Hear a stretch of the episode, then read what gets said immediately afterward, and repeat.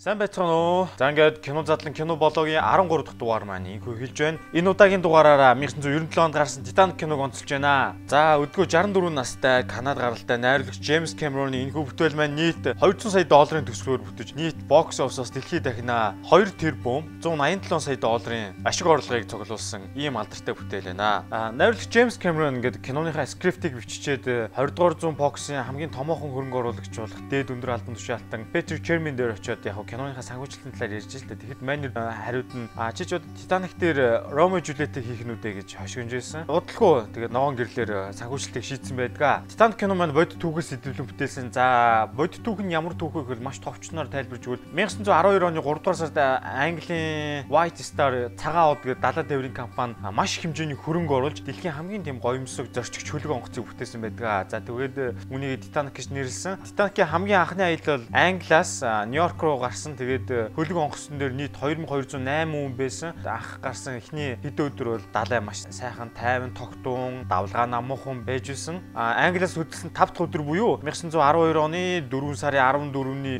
шөнө 11 цагийн орчим гэж түүхэнд бичигдсэн байдаг. Даник онгоцсон маань гинтхэн мөсөө бол мөргөж эцэстээ Атлантын талаар живсэн түүх байдаг. Тухайн Ослоос болж 1517 хүн амнасаа алдсан байдаг нь дэлхийн түүхэнд хамгийн эмнэлэгтэй далайн аяллаа тоонд бичигдсэн байдаг. За алдарт найр найруулагч Джеймс Кэмерон маш хөдөлмөрч тийм шадрын зангийнхаа үр дүнд Титаник киног бүтээж Оскар 14 төрлөөс 11-д нь шагнал хүртэж мөн кинонд тоглож исэн нялх хот Леонардо Ди Каприо энэ киноны ачаар Холливуд өөрийн орон зай байр сууриа эзэлсэн гэдэж яригддаг. Мөн дүүшлэн хамгийн гол нь энэ кино бол дэлхийн түүхэнд урд өмнө гарч байгаагүй асар их тийм объектуудыг үзүүлж компьютер график зураг авалтын дүрслэлтэй маш гайхалтайгаар зөв хослуулж дэлгэцэнд харуулснаар цагийн хамгийн гайхалтай хамгийн их орлоготой дахин дахин үзэж мартагдахааргүй ийм кино бий болсон байдгаа. За Titanic киног бүтээгээд онгоцноос ч илүү хөрөнгийг зарцуулсан гэж үздэг. Яасан гэхээр 1910-аас 1912 оны хооронд хийгдсэн тэр Titanic хөлийг тухайн үеийн ханшаараа 7.5 сая доллараар хийгдсэн гэдэг байсан.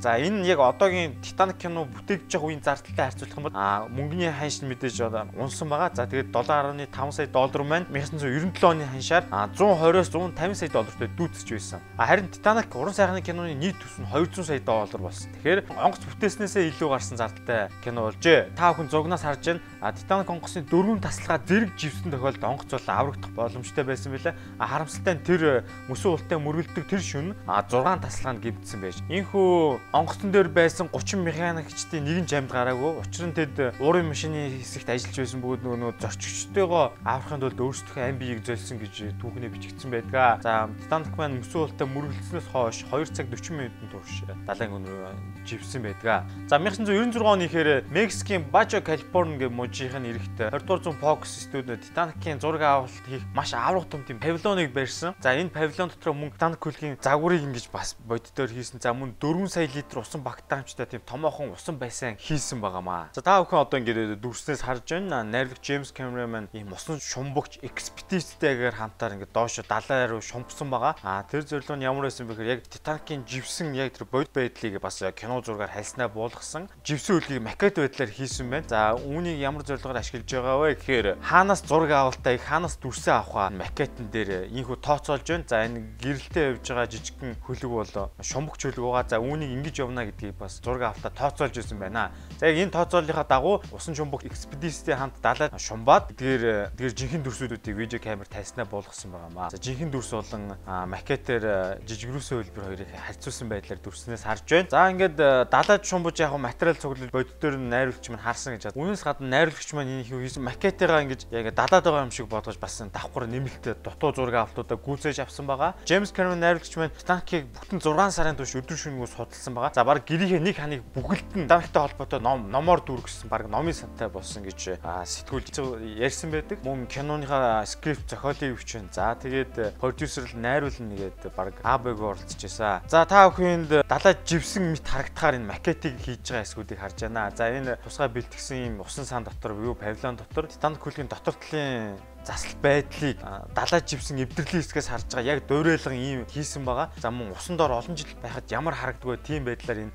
өнгө буудаг заслуудыг хийсэн байна. Жинхэнэ зургуудыг та бүхэн харж байна. Хийсэн энэ макет барилгуудаа усан сан дотор оруулаад угсарчиж байгаа. Тусаа усан дотор бичих зориултыг камераар эдгээр дүрснүүдийг авсан байна. Та бүхэн харж байна. Яг л тухайн үеийн нөхцөл байдал ямар байсан шиг хувиргаж байлгасаа. Гол дүрийн жүжигчин Кэт Винслетийг харж байна. Түүнтэй ярьж сууж байгаа энэ настай ихч бол Данки Ослоос амьд гарсан хүн буюу энэ Gloria Stewart гэж ийм ихч байгаа маа. За энэ ихч маань бас киноны эхлэл хэсэгт тодорхой дүр бүтээдгээ. А та бүхэн компьютер графаар загварчилсан макет э, дүрсийг үзэж байна. Яг ингээд мөсөөл шүргсэн. За мөн хаагуура хуваагдал болон доош живсэн эсгүүдийг тооцоолон дүрсийг харж байна. Хүү ингэж загварчилсан дүрсэн дээр кино зураг авалтыг э, төлөвлөсөн байгаамаа. Visual effect, computer graphic элементүүдийг James Cameron-ы анх үүсгэн байгуулсан Digital Domain гэж компани 100% гардан гүйцэтгсэн киноны storyboard хэсгээс харж байна. Живсэн хэсгийг хийсэн байна. За мөн макет хэлбэрээр гээд Titanic хөлөг онгоцыг бол 2 3 хэлбэрээр хийсэн байгаа. Жижиг хэлбэрээр. За мөн яг том авраг боддоор ч бас хийсэн байгаа. Катнаас авсан дүрсийг хэрхэн залгаж янзлаад тэр Английн тэр э, бомб дээр залгасан харж байна. Тийм Мексикт э, кино студийн угсарсан авраг томор хийсэн бастаг загварчлалыг харж байна. За ингээд э, яг бод баримтан дээр гэрэл зургаас харах юм бол ус онгоц зүүн гар талаас нь харагдаж байгаа. Та хүн гэрэл зургаас харж байна. А харин яг Мексикт хийсэн кино зураг авалтын энэ орчин маань ялч авахгүй баруун талаас нь зураг авалт хийгээсүр аргагүй байсан. Засан талбай болон тухайн орчин нөхцөл байдал хамаарад үүссэн учраас кино зураг авалт нар гарч байгаа тэр хүмүүсийн өмссөн цаамц машин дээр байгаа бичиг том хаяг болон бүх зүйлсийг эсэргээр нь урвуулж ингэж хэвлэж бүгдийг тэгж хийсэн байгаа. Кинон дээр дүрсийг эргүүлэхэд тэр нь зөв харна гэсэн үг. Киноны гол дүр Джек буюу жүжиг Leonardo DiCaprio-гийн мөрөдөө тоглож байгаа Titanic-ийн билет хождог хэсгийн зураг авалтыг харж байна. Мохлог дотор байгаагаар энэ хүү storyboard харагдаж байна. За цонхоор цааталт нь ерөнхий замд гарахын өмнөх бэлэн байгаа мөн годомжоор явж байгаа хүн амтан тухайн орчны дүрсүүдийг хэрхэн эснийг та хүн харж байна. Бүгдийг макетаар орлуулж хийсэн байгаа. За эдгээр дүрсээ нийлүүлж мухлагын цонхоор харагдаж байгаа дүрсийг инхүү бүтээсэн байна. Үндэ бол тэр мухлагын цонхны хэсэг бол ногоон фон тавьж авсан байгаа. Далайн бомб хэсгийг хэрхэн зураг дүрс болон маш олон зүйлийг ашиглаж хийсэн breaking down үе задаргааг та бүхэн харж байна. Усыг залгаж байна. Ногоон фон дээр олон хэсгийг авсан байгаа. За үүнийг ногоон фоноос нь салгаж имжээд бомбын хашлган дээр ингэж залгаж тавьчихыг та бүхэн харж байна. За энэ яг жинхэнэ тухайн үеийн ориг дүрсийг жинхэнэ дүрсийг та бүхэн сая харлаа. За энэ олонний хэсгүүдийн зураг авалтын бэлтгэл ажил явуулж байна. Усан онгоцон дээр бол маш олон төрлийн үндэстэн байсан гэж байгаа. Titanic-ийн түүхч гэж байгаа. James Cameron энийг киногоо илүү сайн болгохын тулд бүр 2 3 түүхчийг хөлслөн кинонд оролцуулсан байдаг тухайн цаг үедээ хэрхэн нийцж байгаа талаар нь эдгээр түүхч зөвлөмж өгдөгөө. Хуучин бод дүрс болон гэрэл зургийн сүдээс та бүхэн харж байна. Нэгдүгээр зэрэглэл болон гуравдугаар зэрэглэлийн дотор байгаа зорчигчдын хэсгийн тасалгааны ялгаа хэрхэн ийм тэнгэр газар шиг байгааг энэхүү зурган дээр харуулсан байдаг. Яг энэхүү зургийн дагуу кино баг production баг маань үүнийг интерьер дизайныг адилханаар гоёл чимрэл бүх зүйлийг нарийн шимхлүүр ажлыг хүртэл алгасалгүй бүгдийг хийсэн байдаг. Тэр бүхний та хүн дүрснээс харж байна. За тэгээд энэ хийсэн бүх юмнуудаа тэгэл дахиад усан давтуулна шүү дээ. Аврах том хөдөлгүүртэй хэсгийн зураг авалтыг та хүн харж байна. Сая storyboard гарлаад жирийн шумбуг жонгосны хөдөлгүүрийг ийхүү дангаар нь дүрсийг бичиж аваад үүнийг аврах том юм шиг харагдуулахын тулд хүмүүсийн дүрсийг ногоон бондор тусад нь аваад хөдөлгүүрийн хажууд хүмүүсийг маш юм жижиг хэлбэрээр залгаж тавиад эвлүүлчихэж байгаа маа. Энгийн шумбуг жонгосонд авсан моторын хөдөлгүүрийг ингээ хит дахин байдлаар томруулж ийхүү Titanic кинонд харуулсан байна. За энэ та хүн харж ногоон боны дүрсийг авлаа. За ингээ залгсан эцсийн байдал харагдаж байна. Энэхүү уурын стандарт хөдөлгүүрийг хөдөлгөхийн тулд зөвхөн галгааны хэсэгт 176 хүн ажиллаж байсан гэж байгаа. Түүхий удснаа макетн дээрх дүрсийг хэрхэн хувиргаад далаад дээр бол бий болгосныг харж байна. За энэ тавцан дээгүүр явж байгаа хүн болгоныг бол дижитал домайн компани бол 3D-гээр хийсэн байгаа. Үүнийг хийхин тулд яасан бэ гэхээр бод хүн дээр цэгэн трак тавьж үйл хөдлөлөөр нь алхуулж явуулаад энэ хүмүүсийн авсан цэгэн дээр 3D бит дэвсэж хувиргаад за үүнийг энэ тавцан дээр нэг нэгээр нь залгаж тавьсан байна. Та бүхэн асууж магадгүй яагаад зүгээр хүн явуулчих болоогүй юм бэ тухайн үед. За нэгдүгээрт нэгэн зэрэг ийм олон хүн явуулах боломжгүй. А хоёрдугаарт яг гадаа гам шиг тухайн өнгө гэрэл зургийг тааруулахын тулд 3D хүмүүсийг тавьсан байгаа. Жирийн хүмүүс яг хөдөлгөөн хийж байгаа энэ хувцсан дээрх цэгүүдийг харж байна. Энэхүү цэгүүдээр камера тракинг програм дээр бичиж аваад энэ дээр 3D битийг нөмөрчиж байгаа гэсэн үг. За та storyboard-ны хэсгийг харж байна. За Джек түүний найзтай хөлгийн хамгийн урт идэг хушуун дээр зогсож байгаа хэсгийг яаж хэсэг та хүн харж байна. Ногоон фон дээр ийм илүү иргэдэг ийм тавцан дээр энэ хоёрын дүрсийг аваад дараа нь үүнийг ногоон фоноос нэг үрсэл салгаж аваад 3D модель битэн дээрээ залгаж тавьсан байгаа. За тэрхүү задаргаа болон харьцуулсан дүрсийг та бүхэн харж байна. 1997 он гэхэд энэ Digital Domain компани энэ Visual Effect компьютер графикийн хүчин чадал бол маш өндөр түвшинд байсныг энэ киногоор харуулж байна. За Мексикт байгаа маш томоохон дөрөлгөн хийсэн хамгийн том загварчлалыг та бүхэн харж байна. Titanic хөлөг маань үндсэн бол 3 яндантай байдаг. Нэг яндан маань бол ангарааны үеү уурын хөдөлгөөрөж зөвхөн агаарчлалт системийн зорилгоор ашиглаж ирсэн яндан гэж түүхийн утаснаа бичсэн байдаг. Росс хөлгийн тавцан дээрс амиа орлох үед Джек гэрж ятгаа түүнийг аварч байгаа хэсгийг харж байна. За энэ дээр найруулагч болон жүжигч сургуультай хийж байна. Хоёр жүжигч маань тухайн үед бол нэг нь 22 настай, нэг нь 23 настай уу үе тэнгийн залуус байсан байгаа. Жүжигч Ди Капро бол 1974 онд төрсэн. Зураг авалтын үеэр 23 настай байсан. Жүжигч Кэт Винслет бол 1975 онд төрсэн буюу тухайн үед 22 настай байсан байгаа. Тэг ижил хэмжээтэй хийсэн загварчил дээр хүмүүсийн явж байгаа дүрсийг та харж байна. За дараа нь хэрхэн хөлгийн ёроол хэсэг болон далайн төрлөг ус давлгааг хийснийг харж байна. Энэ харьцуулсан дүрснээс. Джекэд өмсгдөг Токситагийн зургийг харж байна. Та бүхэн дүрснээс кинон дээр Молли Бромны дүр тоглодог жүжигчин Кэти Бэтсийг харж байна. За энэ хэсэг бол Джекэд өөрийн хүүгийнхээ токсит зээлдүүлж Джекийг нэгдүгээр зэрэглэлийн орой хоолнд оруулдаг байгаа. Тэр хэсгийн зургийг авдаг та бүхэн харж байна. За ингээд яг Титаникийн бод зурагнаас сэтгэвлэн энэ хүү гол танхимын дотоод засал чимэглэлийг модоор бүгдийг яг ижлэн хийсэн байна. За энд production баг бол Мужано бүх зүйлсийг хийж байна. За та бүхэн хувцсны агуулгыг харж байна. За энд бол тухайн үеийн хүмүүсийн өмсдөг байсан даашин зулан хувцсуудыг урлсан байна. Бүтэн заал дүүрэн хувцс болсон байгаа. Тэр олон хүмүүсийг бүгдийг хувцсалж байгаа. Нэгдүгээр зэрэглийн зорчигчдын оройн зоог буюу олонний хэсгийн зураг авч байна. Дуурайлган интерьер э, заслыг хийсэн байгаа. Та хүн үүнийг хэрхэн хийж байгааг харж байна. К сандлын товч чимэглэл бүгдийг нэг бүрчт нарийн хийж байна. Кинон дээр анзаарагдаагүй ч гэсэн жижиг хэрэгэл болон халбах сэрээ тавган дээр хөрөнгө оруулагч тухайн үеийн White Star компани лого буюу нэрийг гийсэн байгаа. Тэгэхээр киноноос та бүхэн сайн анзаарддаг боловч киноны production баг бол нарийн жижиг деталь зүйлийг хүртэл бүгдийг захиалгаж ингэж хийсэн байна. Гипсээр э, дотор шилэн ханы хээ болон шилэн хаалганы хээ зэрэг бүгдийг нарийн хийсэн байна. 3 дугаар зэрэглийн зорчигчдын усан хосны доод хэсэгт болж байгаа үдшилэгний зураг авалт хэсгийг та бүхэн харж байна. Жүжигчин Кэт Винслет бол Leonardo DiCaprio бол маш гайхалтайгаар энэ хоёр зохицож ажилласан гэдэг яагаад гэвэл нас чацуу. За энэ хоёрын оронд бол маш олон танигт залдартай жүжигчид зөндөө яригдчихсэн боловч эцсийн шалралт энэ хоёр маань тэнцсэн байгаа. За энд хүн зог агшаа наалаа зог зогсоо байдалтай байж байгаа энэ сандал бол корсет өмссөн бүсгүүчүүд ээж ээлжээр амардаг сандал байгаа. Яагаад гэвэл корсетыг бол маш чанга юм шахуугаар боож барьдаг үүд эмхтэн үнийг гоо сайхан харагдуулахын тулд инхүү тухайн үед өмсдөг байсан хэрэгсэл байгаа. Уурын хөдөлгөөний галгааны хэсгийг та бүхэн харж байна. За энэ гал гарч байгаа ихэнх хэсэг нь бол цааталт нь халуун төөнж байгаа гэрлэлээр орлуулж хийсэн байгаа. Хөлөг онгоц мөсөн уул зүсгэж байгаа хэсгийг хэрхэн хийснийг харж байна. Хөлөг онгоцны гадаргуу мөс зүсээд ус ингэж шууган орж урж байгаа хэсгийг хэрхэн хийснийг харж байна. За энэ кинон дээрх дүрс байна. За энэ студид дотор аудитор хичиг хэмжээний мөс хаялаад а камерын хөдөлгөөн яг мөсөн уул явж байгаа юм шиг зохиомлоор дээгүүр харагдсан байна. За үүн дээр компьютер графикаар хийсэн мөсөн уулыг залгаж тавина. За бас мөсний хилтерхэн унж байгаа компьютер графикаар хийсэн байна. Зураг авалтын дүрс бол 3D мөсөн уул хоёрыг залгасан эцсийн дүрсийг та бүхэн харж байна. Далай хүүтэн ус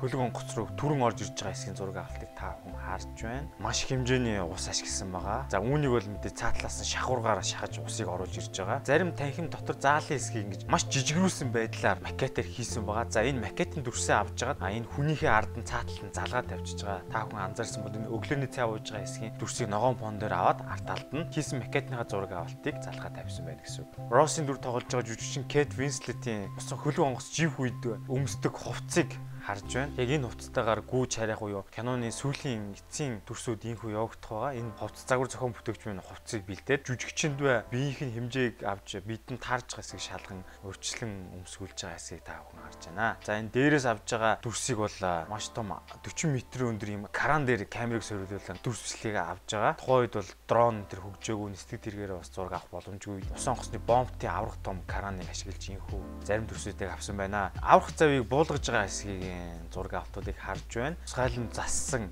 усан сан дотор зураг авалт явагдаж байгаа. Аврагтам усан сан руу усыг юу ч хийж байгаа эсгийг та хүн харж байна. За хажууд нь бол Титаникийн онгоцны дотор талын хоолны болон жочдын өрөөний танхимуудыг харуулж байна. Энэ эдгээр танхимуудыг яг тухайн үеийн дуурайлгаж интерьер заслыг хийгээд энэ томоохон усан сан дотор дээрээс нь ингэж айжмар дүрээд оруулчихж байгаа. Усан онгоцыг живж байгаа мэдлэр тодорхой хэмжээний хагас надад хэлбэртэйгээр ингэж айж жохон дээрээс нь живүүлж байгаа. Та хүн хамгийн гол хэсэг баг. Хөлөг онгоц руу ус нэвчин орж ирж байгаа зураг авалтыг хэрхийснийг та хүн харж байна. Яг үүндээ бол маш авраг том усан сан дотор энэхүү зураг авалт явагдаж байгаа. Эхний зураг авалт хийсэн за дахин зураг авалт хийх шаардлагатай болсон тул усан төвсөн сандал болон живсэн тав жижиг хэрэглийг бүгдийг тагж эхнээс нь өөрөх ажил гарч байна. За мөн төвшлэн хевсийг хуурай юм шиг болгохын тулд дахин усыг шавхаж байгаа дүрсийг та бүхэн харж байна. За ингээ хоёр дахь ус нэвчж байгаа дүрсийг дахин ийхүү авсан байна. За Джек болон Росс нарын дэлхийн доод тавцсан усанд бүглэгдэж байгаа эсийн зураг авалтыг та бүхэн харж байна. За ус бол маш хүүтэн байсан гэсэн. Жүштэй үед бол дотуураа бүлээн байлах хүүт уснаас хамгаалсан юм нэмэлт өмсгөл өмсдөг байгаа. А зарим үед бол жүшт маань өмсөөг байгаа. Үүнээс болж хатгаад авсан тохиолдлууд гарч байсан. За та бүхэн ирчүүдийн